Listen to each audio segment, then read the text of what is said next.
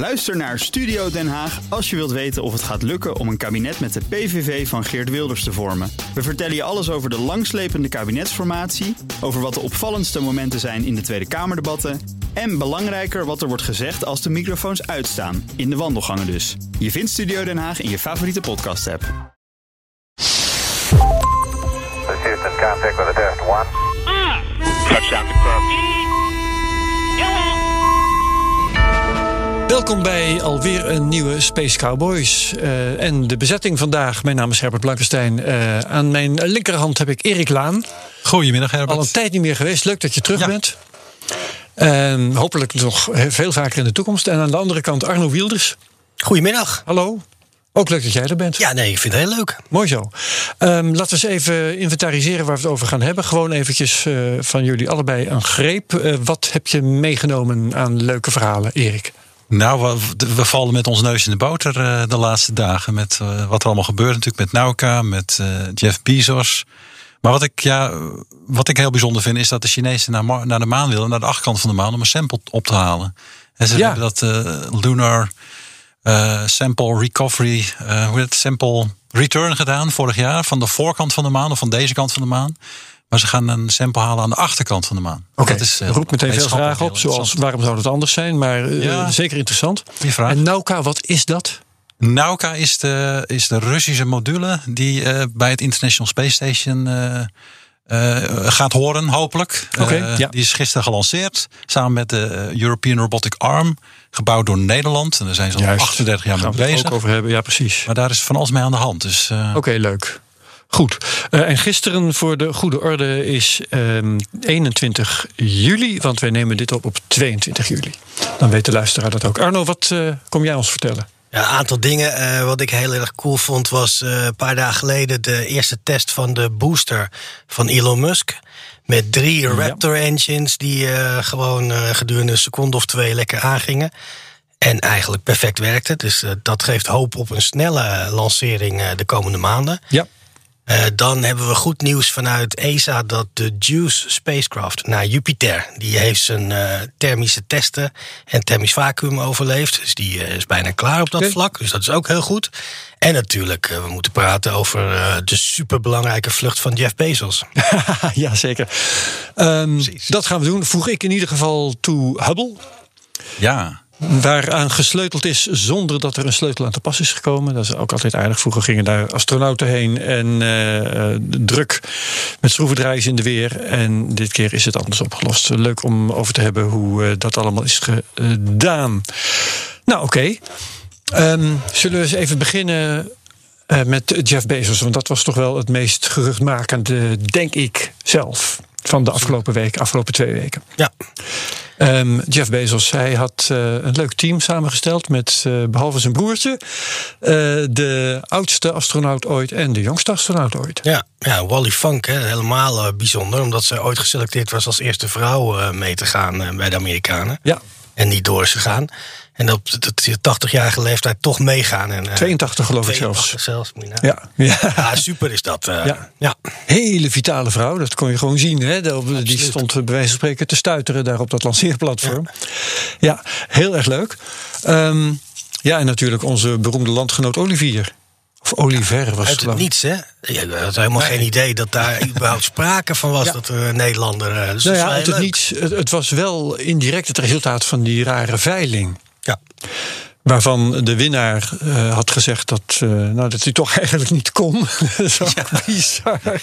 Raar verhaal. Raar ja, verhaal ik, heb, ik heb een zakenreis of ik moet vergaderen. Weet ik, ik weet ja. niet precies wat zijn uh, smoes was. Maar ja, toen zijn ze gewoon met hun vinger langs die lijst gegaan. En mijn vermoeden, ben ik benieuwd naar hoe jullie erover denken...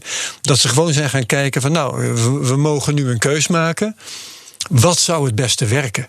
Want je kunt natuurlijk nummer twee nemen, hè, de op één na hoogstbiedende. Misschien waren zij dat wel, kan. Ja, dat denk, ja, dat, mis, Wat denk jij? dat heb ik wel, wel zo geïnterpreteerd, uh, als ik dat ja, zo gevolgd Ik heb dat, maar ik heb ook niet alles gelezen wat los en vast staat.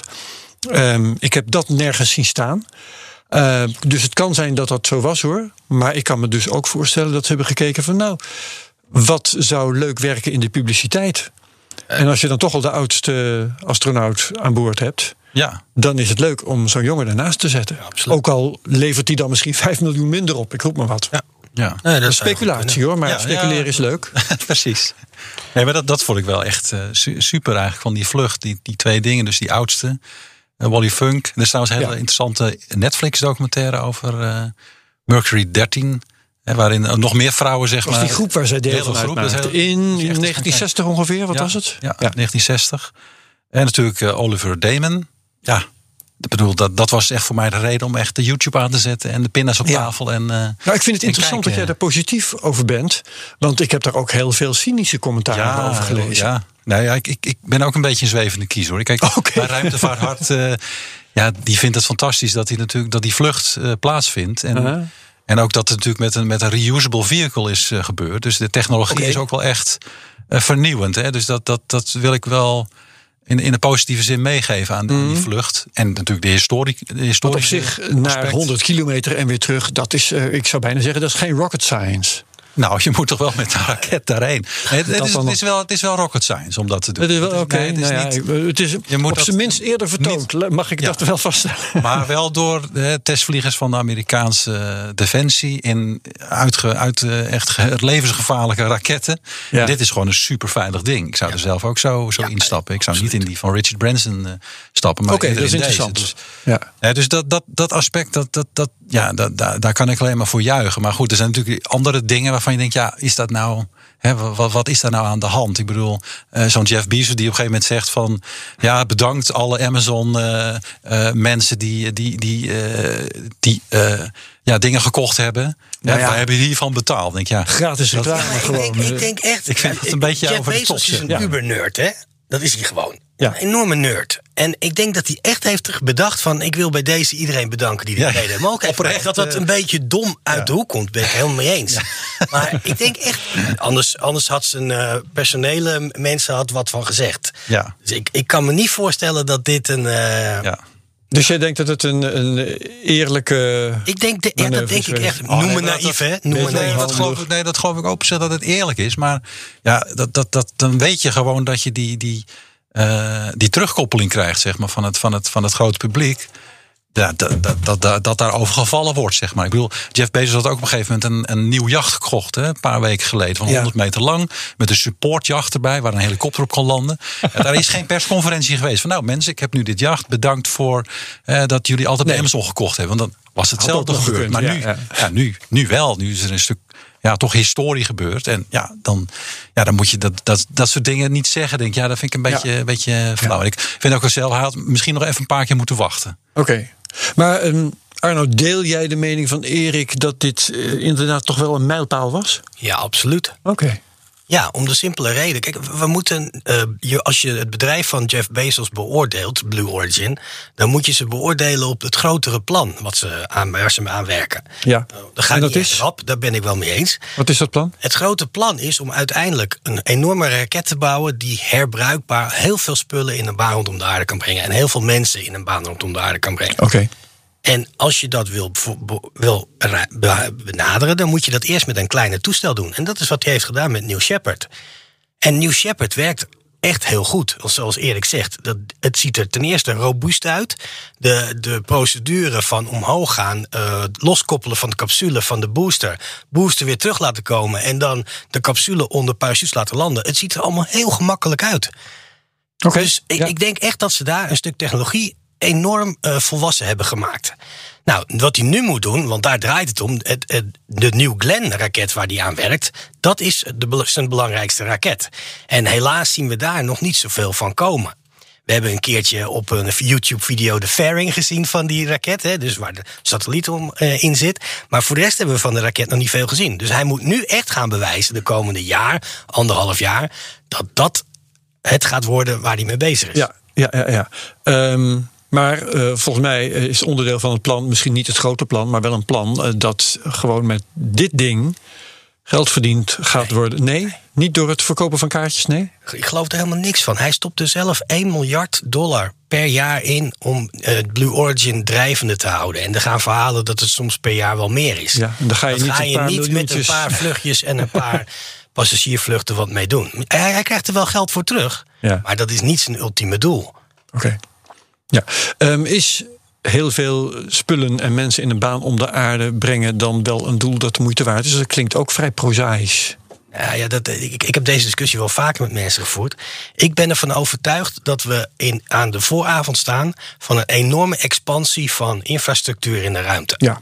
En dat gaat niet alleen om uh, meer satellieten in de ruimte. Dat gaat over complete platforms. Hele grote platforms waar misschien wel fabrieken op een gegeven moment op komen en andere zaken. Mm -hmm. Dus en die we gaan straks zien, en misschien niet binnen nu en 10 jaar of nu binnen 15 jaar, maar er gaan straks een heleboel mensen in de ruimte werken. Ik denk dat een heleboel mensen dat onderschatten, dat dat binnen nu en 50 jaar echt zit aan te komen. Als Starship straks vliegt van Musk en uh, Bezos krijgt New Glenn aan de praat, dan hebben we straks twee enorme raketten die vrij redelijk goedkoop spullen in een baan rondom de aarde kunnen brengen. En dan verandert de business case van een aantal zaken enorm. In plaats van dat je heel veel geld moet besteden aan de lancering, valt dat weg. En kan je dus meer focussen op wat je uiteindelijk wil bereiken. Ja. En is ook de kans om even te spelen of misschien winst te maken wel veel groter. Ja, en dat is dan ook uh, mooi complementair aan wat Musk aan het doen is. Absoluut. Ja. Ja, leuk. Nou ja, goed. Ik, ik vind wel dat Jeff Bezos, die is al in 2000 met zijn bedrijf begonnen. Hè? Ja. En in 2010 kwam hij eigenlijk uh, out of stealth. Zo van, ik, ik doe wat. En, uh, en toen in 2015 de eerste vlucht met New Shepard. En nu de zestiende vlucht, hè, zes jaar later. Uh, kijk, op dit, met dit tempo, dan heeft hij nog wel even 100, 200 jaar nodig voordat hij dat bereikt heeft. Dus hij zit wel echt uh, in, op achterstand van, van Elon Musk. Het Als, schema van Arno. Van dus ja, daar, daar sprak je ook over. Hè, we're building the road to space. En denk, ja, maar dat, dat, dat, dat gebeurt al. Maar bij jouw concurrent, zeg maar, die, uh. hè, die, die doet dat al. Maar ja, kijk, onderschat hem niet. Ik bedoel, hij heeft Amazon ook super groot gemaakt. Als hij dat is waar. nu zijn energie daarin stopt, dan, dan kan hij dat ook met En dat doet hij, want hij is weg bij Amazon om dit te gaan doen.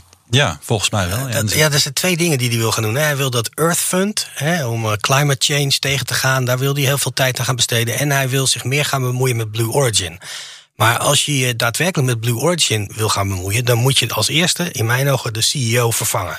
Die komt namelijk bij een uh, bedrijf vandaan, dat is Honeywell. En dat is een hele conservatieve bedrijf. En die heeft eigenlijk het bedrijf meer bureaucratisch gemaakt dan. Uh, moet. Tenminste, dat is niet alleen mijn mening. Dat zijn meerdere mensen die daarover zo Oké, denken. maar zou dat niet op de agenda van Bezos staan? Dat hij gewoon zelf aan de touwtjes wil trekken? Misschien doet hij dat Nou, al. hij zei van niet, hè? Hij zei van, Hij zei van niet. Ja, Nee, hij zei dat hij niet het in de over chair. Ja. Ah, Ik hoop ah, toch dat hij het gaat doen. Oké, ja. Ja. Ehm, nog een los eentje, Erik, want jij zei net... Uh, ik zou wel met Bezos meegaan, maar niet met Branson. Waarom? Nou, vanwege de veiligheid. Uh, dat, dat systeem van Bezos, dat, dat, ja, dat is heel logisch. En uh, ja, daar zitten niet echt fundamentele ja, knelpunten denk ik in het design. Als je naar het, naar het, naar het systeem van, van Branson kijkt, dan is dat zo'n vliegtuig wat losgelaten wordt. Dat gaat omhoog. Er zit, zit een hybride motor in die ja, qua, qua veiligheid ja, zeker onderdoet. Gewoon voor waterstof, zuurstofverbranding. En ja, op een gegeven moment moet dat vliegtuig ook, ook een beetje knikken om een soort badminton shuttle vorm te krijgen om de re-entry goed te ja, doen. Ja, ja, en dat systeem, ja, dat, dat is een keer misgegaan in een testvlucht. Daar waar ook een, waar een van de vliegers is overleden. Ja. En dat, ja, dat zijn van die systemen van, waarvan ik denk, ja, is dat nou nodig? Ja, veel points En- of failure, mag ik het zo en je, zeggen? je kunt het niet opschalen. Ik bedoel, hè, dat, dat heb je gezien. Dat 2004 was Spaceship One. Die heeft toen die, die X-Prize voor Suborbital Flight gewonnen. Die ging wel nog 100 kilometer toen. En toen dachten ze, nou, dit, dit gaan we even opschalen en groter maken. En dat, dat is helemaal, helemaal misgelopen. En, en ze hebben nu zeg maar het uiterste bereik van dit design. Dus daar gaat, daar gaat verder geen groei in komen. Dus dat systeem, ja, dat is een beetje aan zijn eind. Dat gaan ze nu exploiteren, denk ik. En uh, dat is het. Terwijl dat in, het, in het verhaal van Bezos heb je toch ja, die groei naar die New Glenn. Ja, heb je Ja. Veel, meer, veel meer potentie, denk ik. Ja, jij was er daarmee. Ik zie jou knikken. Absoluut. Ja, ja, ja.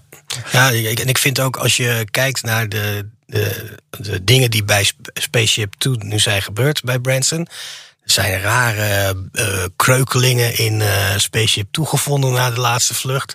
Dus het, is, het, het geeft een beetje wat minder vertrouwen. Hè? Je, weet, je weet niet wat er waar van is, waardoor het gekomen is.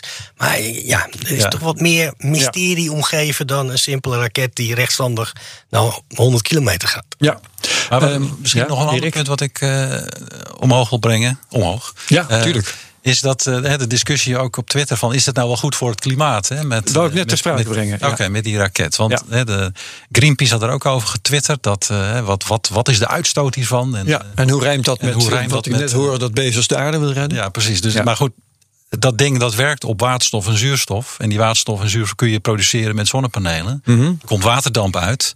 En dat is eh, natuurlijk ook een, ook een broeikasgas. Ik, ik Zeker. voor je voeten weg. eh. Precies, ja. Maar alleen ik levert, doe nooit meer voorgesprekken. dan levert waterdamp natuurlijk ook. eh, dat, dat leeft maar heel kort in de atmosfeer. Hè. De CO2 Aha. dat leeft Ah, tientallen jaren. Methaan heb je hetzelfde verhaal mee. Dat, dat, dat, dat blijft gewoon. En waterdamp, ja, dat, dat, wordt, dat, dat vervalt. En dat, dat wordt regen of dat wordt. Is een Eh, natuurlijk element ja. van het proces. Oké. en, en dat komt niet zo hoog. Hè. Die, die waterstof en zuurstof die verbrand wordt op die, op die, op die eh, New Shepard. Die komt niet zeg maar in die, in die hogere eh, lagen. Ja.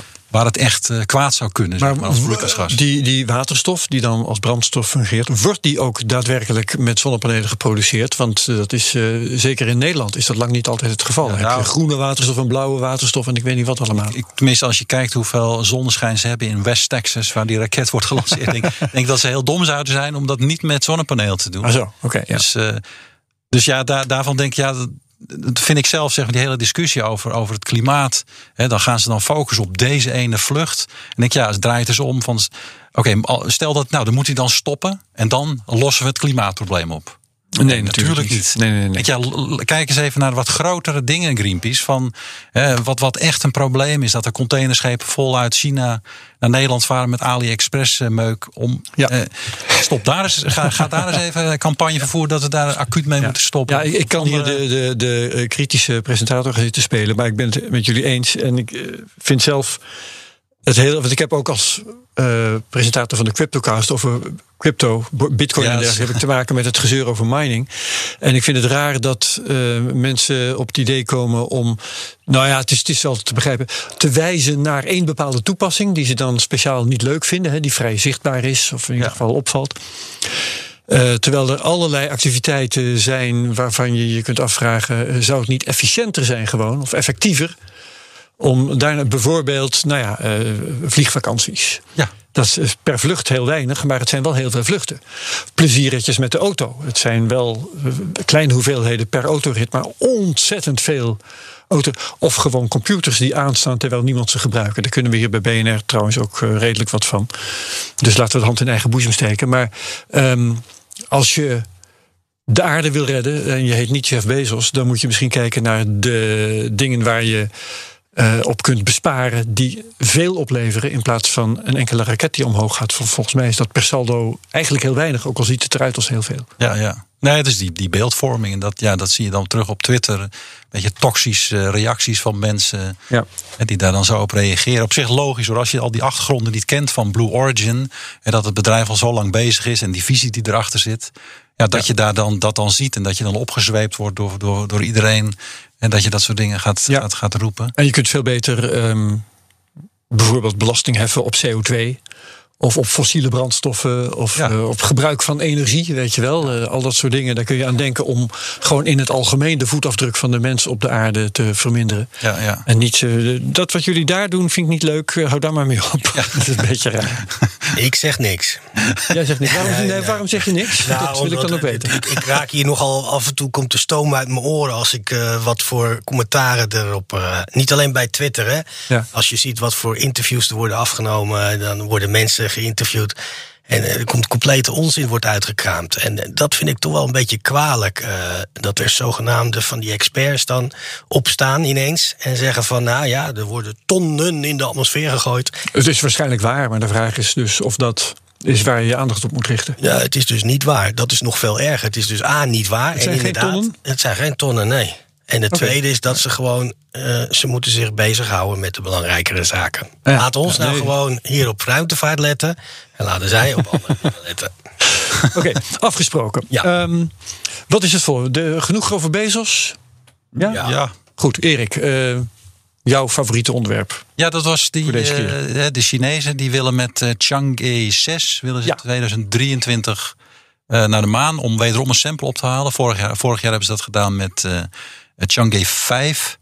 hebben ze van, de, eh, van deze kant van de maan, de, de kant van de maan die we kunnen zien vanaf de aarde, hebben ze een sample opgehaald. En dat, Ja. dat, dat ging heel goed.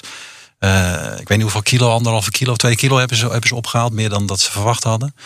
En dat is inmiddels helemaal verdeeld tussen allerlei Chinese eh, Iedereen een onderzoeksinstellingen. theelepeltje. En ze hadden zelfs een, eh, eh, een call gedaan om internationaal, hè, dat, dat internationale onderzoeksgroepen konden ook aanvragen doen, maar dat, die hebben daar geen aanvraag in gedaan. Dus Oh. die politiek weer goed. terugkomen van China, samenwerking met Amerika, dat, ja, dat, dat, dat gebeurt gewoon niet. Ook niet hè, op zo'n maansample. Dat je denkt, ja, Nee, maar zijn er ook geen, ik weet niet wat, jij, wat jullie daarvan weten, geen bijvoorbeeld Nederlandse universiteiten geweest die hebben gedacht van nou laten we ze even Nou, ja, inschrijven ik weet op het. Ja. Wim van der Streen, hè, de, VU, eh, heeft een hele afdeling die zich bezighoudt met, met maan. Ja. eh, onderzoek. Maar ik weet niet of zij een aanvraag hebben gedaan. Nee. Eh, Maar principe stonden de Chinezen ervoor open.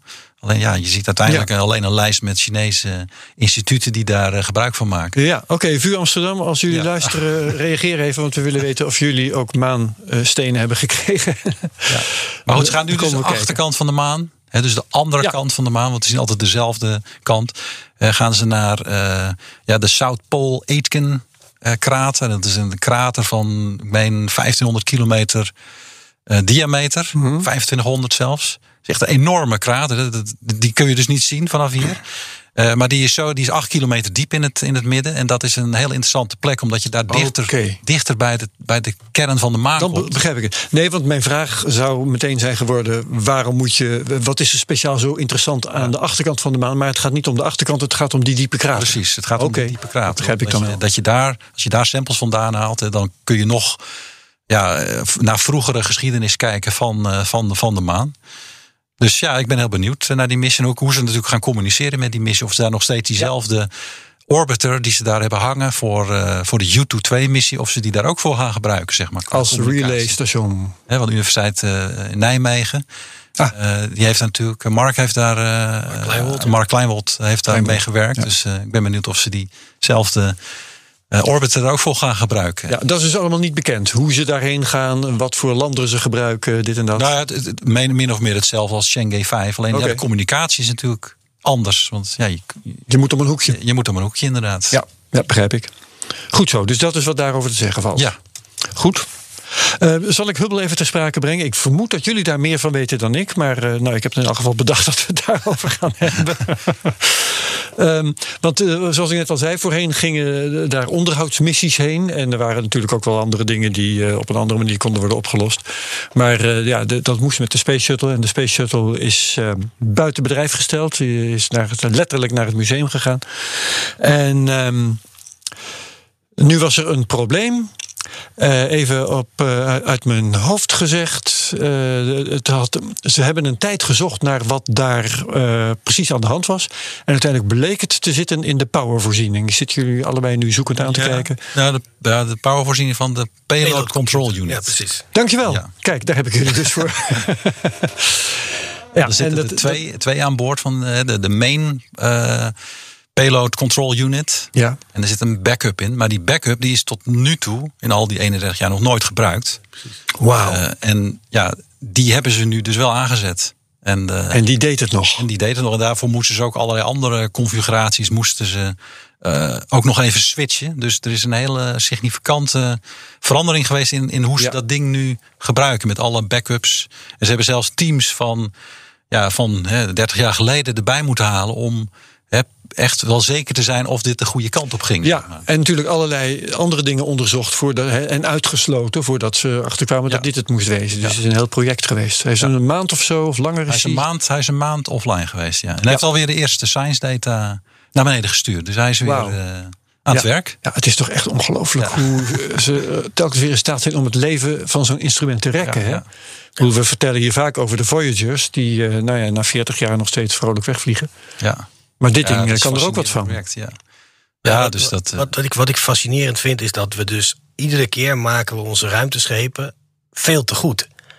ja, Eigenlijk- Dat is eigenlijk waar het op neerkomt. beetje minder Je kan hebt- ook wel. Je zet, je zet, zesje is genoeg, jongens. Ja, precies. Nee, je, je zegt van eh, hij moet eh, tien jaar meegaan of hij moet vijftien Ja. jaar meegaan.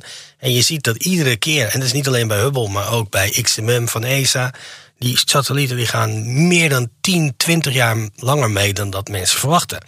Dus je ziet hoeveel marge er is ingebouwd om die eh, Ja. systemen te bouwen en te ontwerpen. Ja. Dat vind ik wel mooi om te zien. eh. Ja, het is mooi om te zien. Is het, eh, want je, je verwoordt het haast als een probleem. Is het ook een probleem? Want ja, ehm, als zo'n ding het nog doet, dan moet je echt wel een drempel over om hem buiten gebruik te stellen, zolang je het nog doet. Dus probeer je dat niet te doen. Maar dan zuigt het toch wel weer geld weg van andere dingen die je had kunnen doen. Absoluut. Hè. Vergis niet dat de operationele kosten van een satelliet in de miljoenen euro's per jaar loopt. En helemaal zo'n wetenschappelijke satelliet. Dus je, je- krijgt op een gegeven moment de discussie. En ik denk dat het bij NASA al verschillende keren is gebeurd. Van gaan we nou een missie die gewoon goed werkt uitschakelen?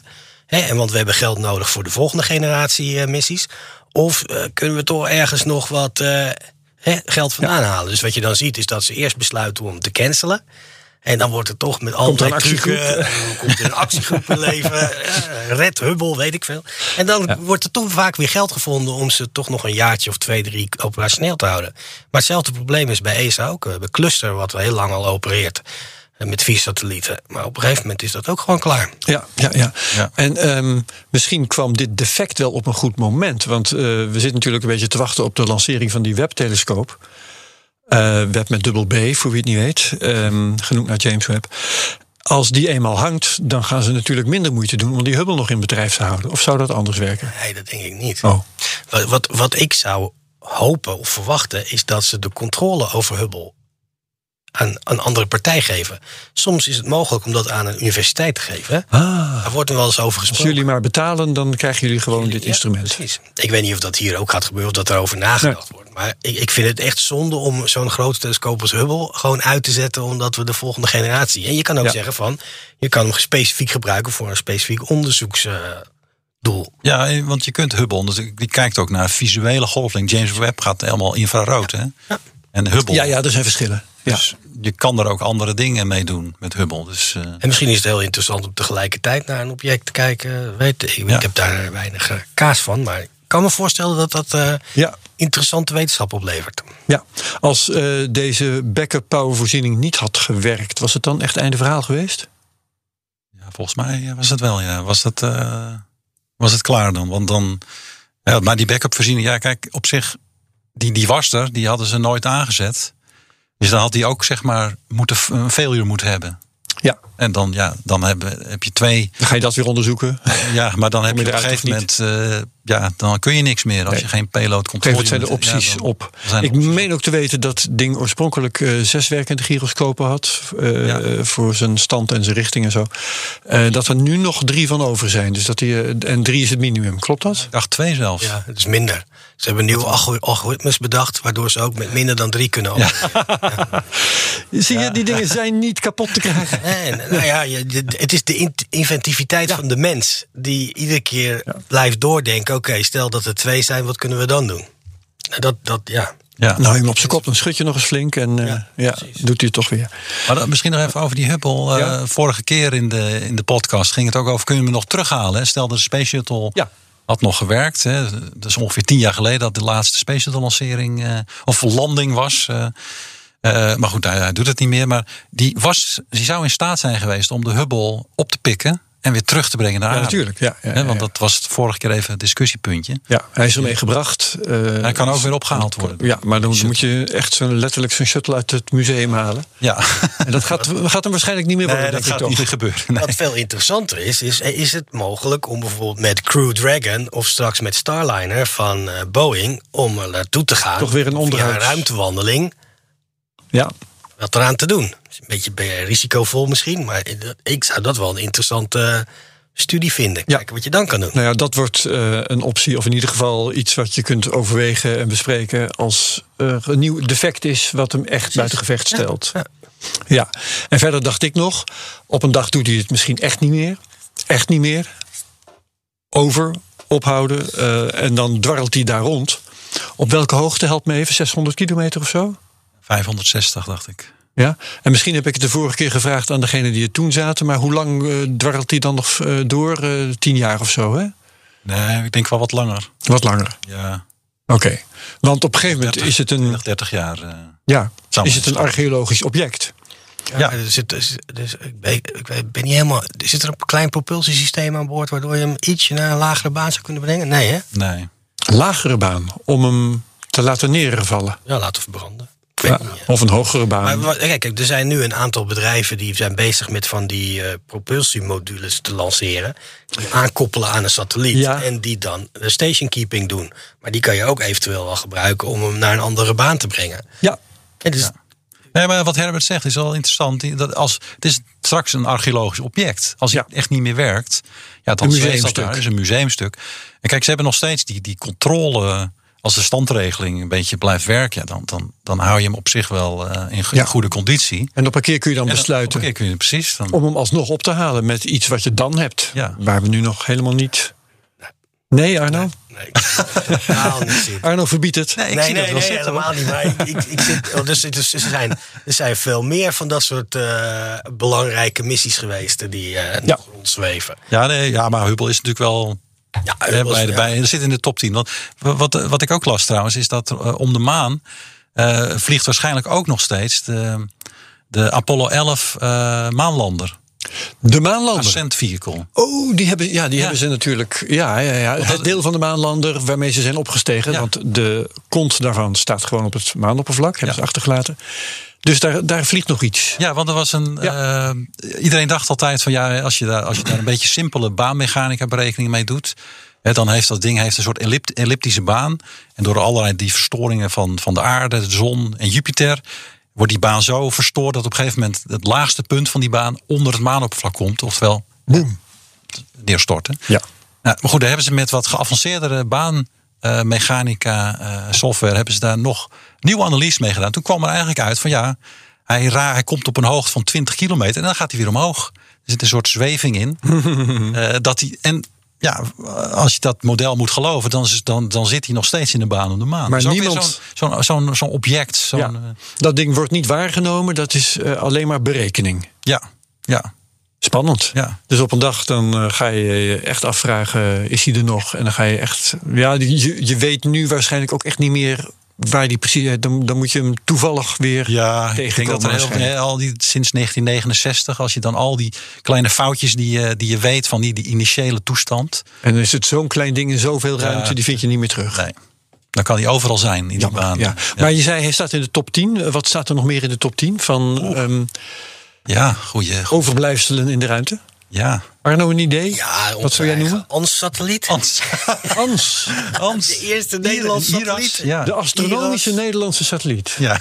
Ja, Ans.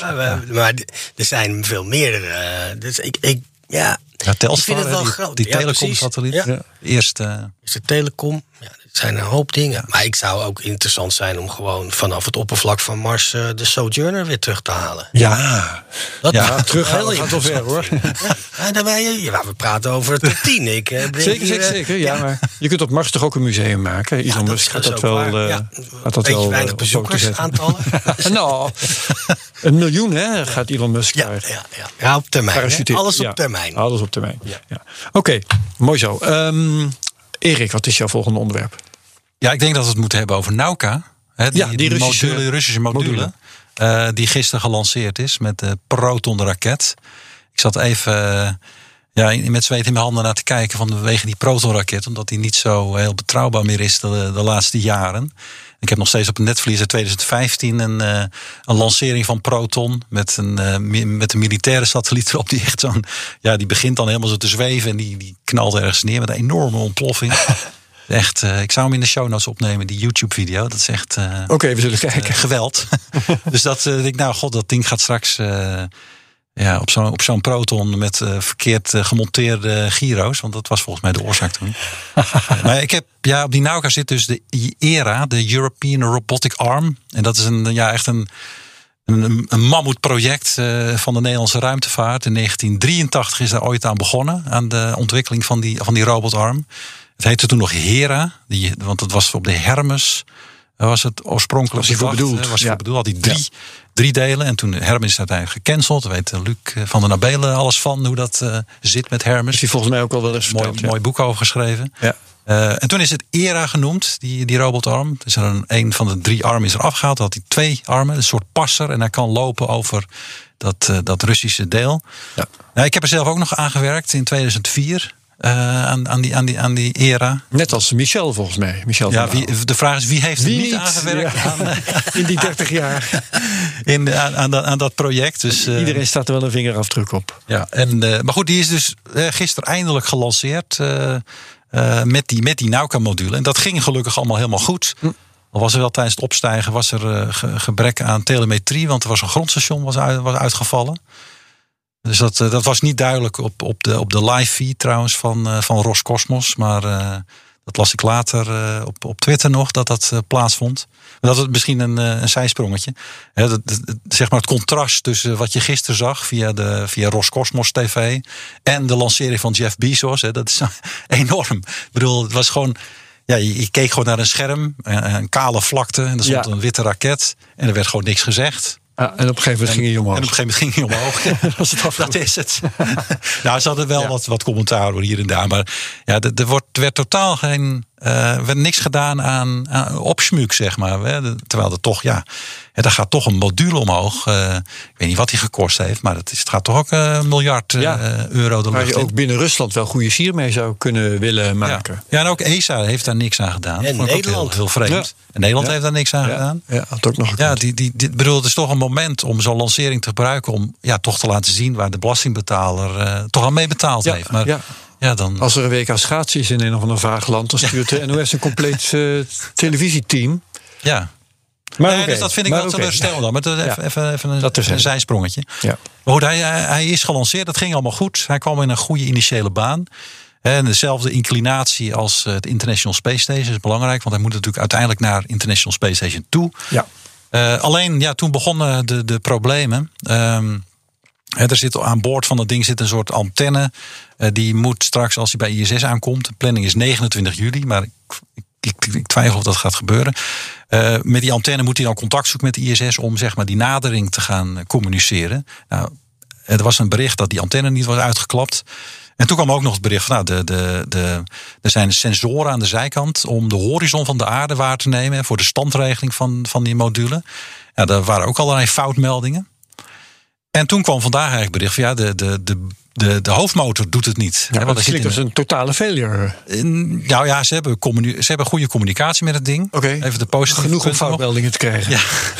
En, en eh, alle andere systemen die werken. Maar ja, er zijn dit, drie van dit soort problemen waarvan ik denk, nou, dat, eh, dat veel wel even. En vandaag is het toch echt ja, alle hens aan dek. Als het vandaag niet die orbit racing eh, gaat beginnen, en we praten 22 juli, eh, ja, dan hou ik mijn hart vast of, of hij het wel overleeft. eh. En betreft dit alleen die module of leidt onze robotarm Ja. daar ook onder? die, onze robotarm die zit op die module. Die kan verder helemaal niks. Het is niet dat ze onafhankelijk van elkaar in een doos zitten en onafhankelijk van Nee, elkaar nee. worden losge. Nee. Ah, oké. Ja, dus het is wel eh, even, even spannend.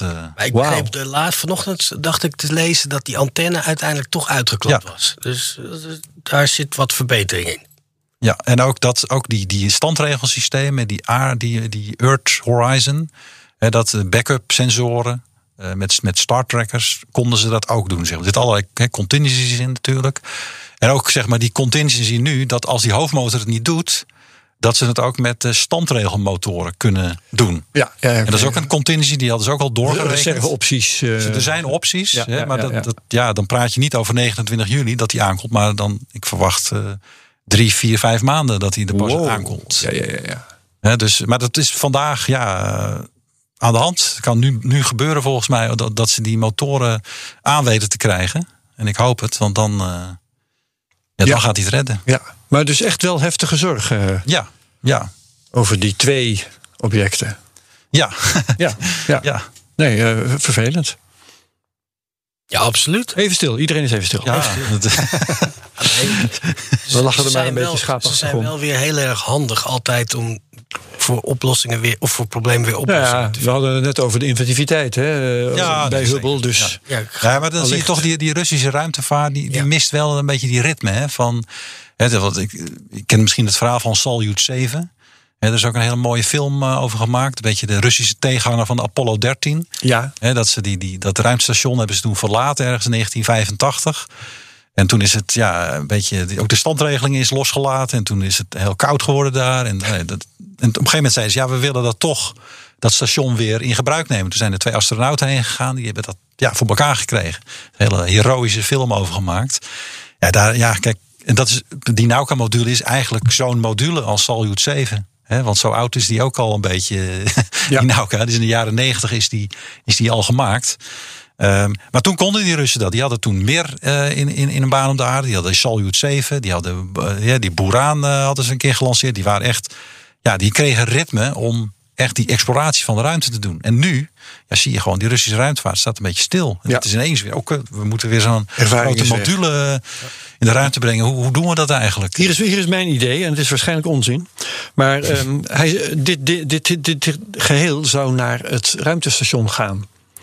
Dus waarom eh, ga je daar niet zo dicht mogelijk naartoe en laat je dan vanuit het ruimtestation mensen daarnaar kijken? Die kunnen dan wel even die antenne recht zetten. Ja, nee, maar ik denk, kijk, de eerste zorg is natuurlijk dat ze in de buurt komen van het ruimtestation. Ja, en dat gaat dan niet En, eens. en als dat dan niet eens gaat, ja, dat, Ah. en, dan- zeker als hij straks in de buurt is, dan gaan Zo ze ver ben je met, van met, huis. met, met camera's gaan ze goed even checken wat er nou aan de hand is. Maar ze willen natuurlijk ook het International Space Station niet in gevaar brengen. Nee. Als dat straks een module is die heel onvoorspelbaar is en reageert, ja, dan, dan gaan ze dat ding niet koppelen. Mag je niet eens in de buurt komen. Nee, nee, nee, nee. nee. Oké, goed. Ehm, jammer, maar eh, levert ongetwijfeld ook wel weer stof op voor een volgende keer hier zo. Ja, zeker Als daar eh, weer nieuws over is. Misschien over twee weken al. Arno, jouw volgende item. Ja, nou, ik, ik, ik, zat, eh, een keer, ik zat een keertje niet op te letten. En toen ineens, eh want of, eh, Musk is natuurlijk bezig om zijn booster te bouwen voor zijn Starship. En die wil binnen nu en twee maanden echt een eh, lancering in eh, aardbaan brengen. Van zijn Starship. En dus, eh, nou, maar die booster die is in ontwikkeling.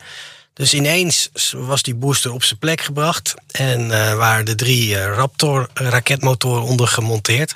En van de week hebben ze daadwerkelijk een eerste hot test gedaan. En zag je daadwerkelijk drie van die motoren aangaan, twee seconden en dan weer uitgaan. En, en de grap is, tenminste dat vind ik grappig om te zien, is dat een aantal voorstappen die hij wel deed bij zijn vorige eh, eh, eh, Starship, Ja. tanks en zo, dat heeft hij allemaal niet gedaan.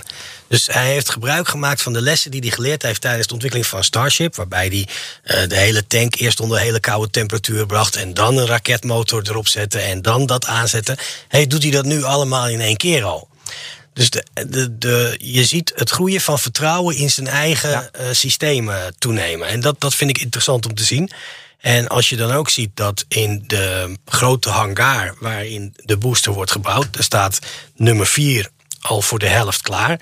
En nummer 4 moet daadwerkelijk de booster zijn die straks een Starship naar eh, een aardbaan gaat brengen. Dus eh, ontwikkelingen gaan extreem snel daar. Dus dat, dat is interessant om te zien. eh. Ja, Je kan het zomaar missen. En twee dagen niet opletten en je hebt wat gemist. het wordt ook niet aangekondigd dan. Nee, nee, Nee. nee. Nee. Maar het was ook wel even stil, hè, natuurlijk met Starship. Er was toen zo'n periode. Ja. dat het elke, Elke week eentje omhoog. was. Eh, het is even stil geweest. Maar inderdaad, heel indrukwekkend dat ze die test doen. eh, waar je ziet dat ze echt geleerd hebben. Van, die, van die vorige keren dat dingen ontploften en zo. Dat, ja, dat is nu niet gebeurd. Hè, dus dat is heel, eh, heel, heel bijzonder. Ja, wat ik altijd met die Starship. Ja, ik, ik, ik, ja, fantastisch ding natuurlijk als hij straks eh, dingen naar de, naar de ruimte gaat brengen. Maar wat, wat je ook nog wel eens leest, is de, de hele discussie over dat hij dan point-to-point travel gaat doen.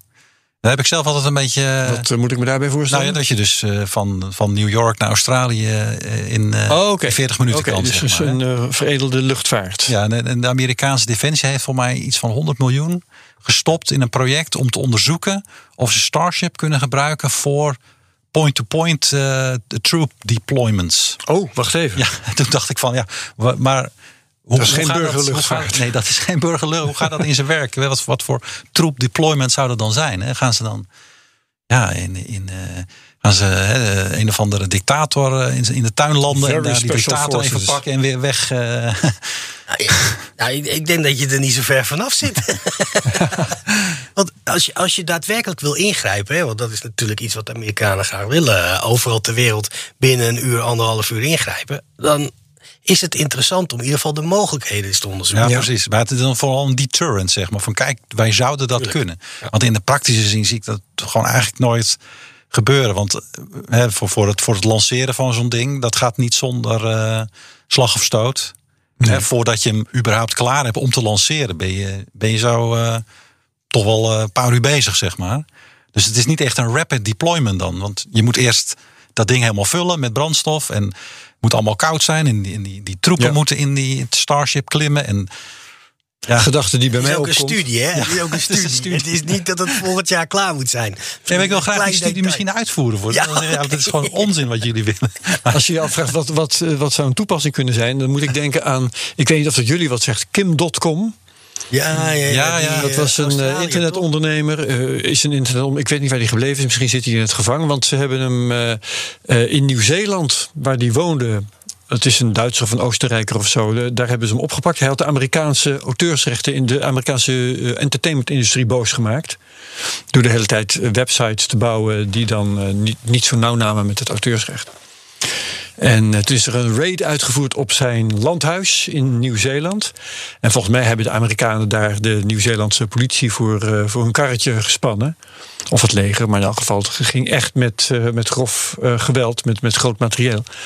En ja, als, als, als ik dit hoor van we, we kunnen een raket naar de andere kant van de wereld vliegen, hadden ze het zelf kunnen doen.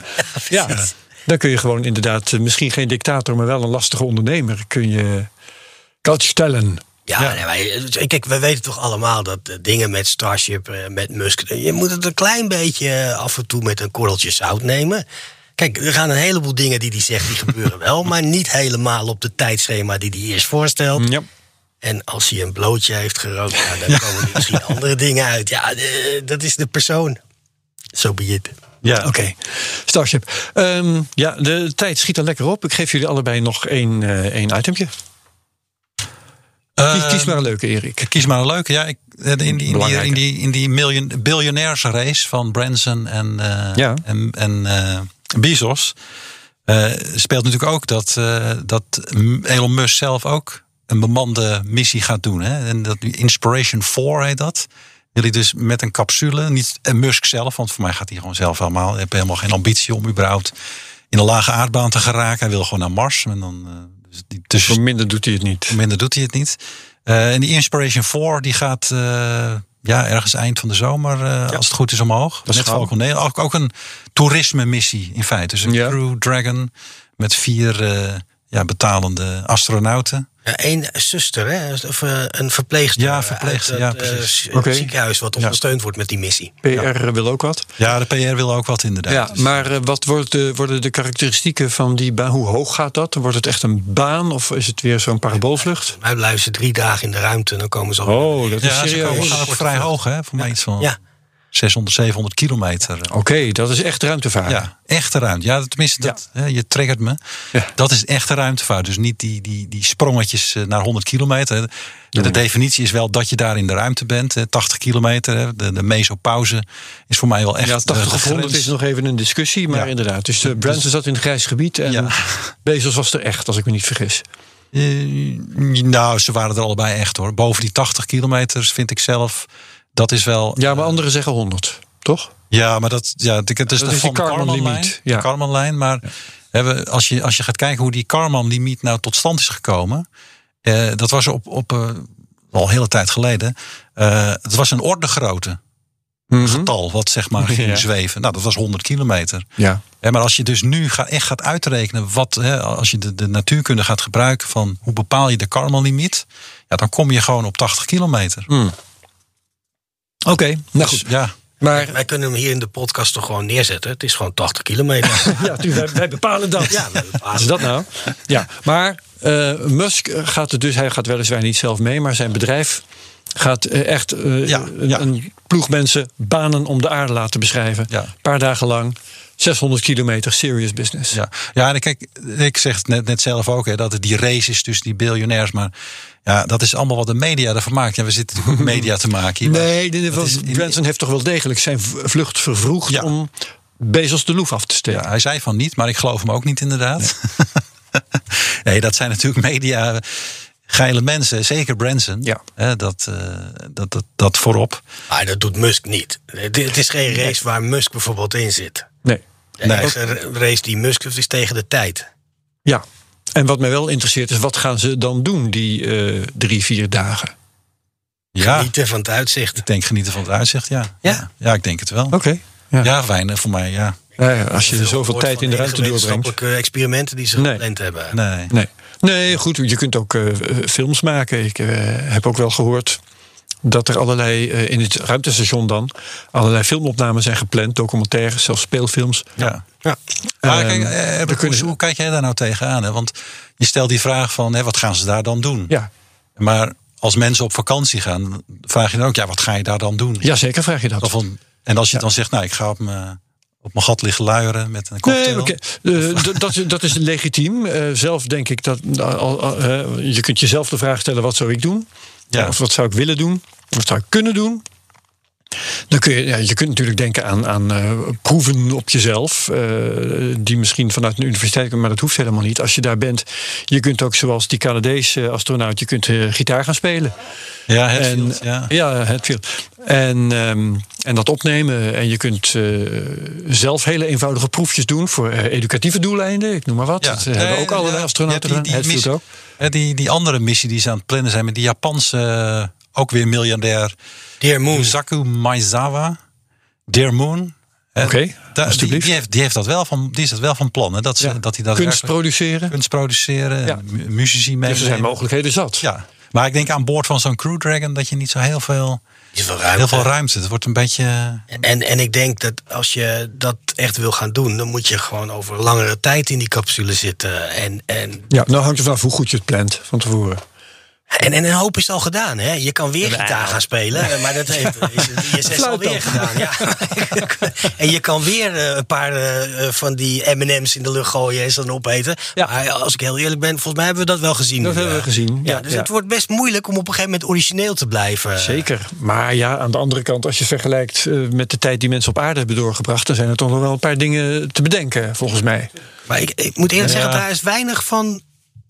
Nee, weinig van gezien. nou wie weet, misschien verrassen ze ons nog. Ja. En het is niet de enige vlucht die gepland staat. Hè? Het bedrijf Axiom Space, wat van plan is om een eigen ruimtestation te bouwen, Ja, die heeft dat, is drie echt, vluchten. die hebben ook echt ruimtetoerisme als core business, hè? Eh, toch of niet? Ja, niet, ja, niet zozeer toerisme niet? zelf, maar meer het onderzoekskant. Eh, daar willen ze heel graag naartoe. Oké. Eh, maar die hebben al iets van vier vluchten nu gekocht bij SpaceX. eh, om drie, vier mensen omhoog te sturen. Op welke termijn? Eh, binnen nu en twee jaar. Ja, ja, ja. Oké, goed. Nee, maar die, die eh, Crew Dragon vlucht met die vier toeristen. Wacht, wacht even, waar komen ze eigenlijk vandaan? Eh, die, hoe zijn zij gekomen aan hun stoel? Er is een eh, vrij rijke persoon geweest die heeft gezegd: Ik wil graag een ziekenhuis in Amerika ondersteunen. St. Jude's Hospital, Children's Hospital. En dat wil hij ondersteunen door het maken van deze vlucht. Dus hij maakt heel veel reclame. Hij heeft een aantal veilingen gedaan. En een, groot deel van het geld stroomt naar het ziekenhuis. En hij betaalt, zover ik begrepen heb, de vlucht zelf uit eigen zak. Zo. En Dan, had heeft hij, drie mensen dan uitgenodigd. vraag je je af waarom hij niet gewoon het geld voor die vlucht naar het ziekenhuis geeft. Maar dat is misschien wel weer al te kinderachtig. Ja, ja, maar, dat- ja, maar mensen, je, je wil er graag misschien wat bij doen. Je wil eh, Ja. zelf ook een lolletje erbij hebben. In de krant komen, Wel belangrijk publiciteit. ook, hè? eh, ja, nee, het zal, ja, Ja. oké. Goed, maar dat vindt dus plaats. ehm, we zitten nu halverwege de zomer. Je zei eind van de zomer. eh, op termijn van een week of zes. ja, dat gaat volgens mij redelijk snel, eh, snel gebeuren. Dus daar Ja. September, oktober. gaat iedereen natuurlijk ook weer over vallen. Hè, van wat, wat, Ja. wat doet dat met het klimaat? Erover vallen of er gewoon over vertellen en het eh, goed volgen. Dat gaan wij dan maar doen. Ja, precies. Oké, leuk. Ja. Dankjewel. Eh Arno, als, eh, Arno als laatste. Ja, ja dit is, eh, we hebben natuurlijk eh vorige keer volgens mij ook over Juice gesproken. De missie van ESA naar eh, Jupiter. De twee Ja. manen, Ganymedes en eh, Callisto. Eh, dat die satelliet die was helemaal klaar. Die stond, eh, is in de grote eh, Space Simulator van Aztec gebracht. En daar heeft hij een maand in gezeten. Daar hebben ze hem heel erg heet gemaakt. Daar hebben ze hem heel erg koud gemaakt. En sinds een week is hij er weer uit. En dat is dus vrij succesvol. Een hele belangrijke test. Ja, En doen ze altijd hè, met Ja. satellieten. Dit soort. eh, Maar dit is het? eentje die vrij groot is, vrij complex. Tien instrumenten aan boord. Dus eh, ze- volgens mij waren mensen erg tevreden met hoe het gegaan was. Dus dat is goed nieuws. Dus Ja. dat- betekent dat we op schema blijven voor een lancering in 2022. In 2022. Dat is ook al best. In astronomische termen. Is dat heel snel? Mooi zo. Dat is het. Ja. Leuk. Ik dank jullie wel. Dit was eh, Space Cowboys. Dankjewel Erik Laan. Dankjewel Arno Wilders. Mijn naam is Herbert Blankenstein. En over twee weken is er weer een nieuwe verse Space Cowboys. Heel graag. Tot dan.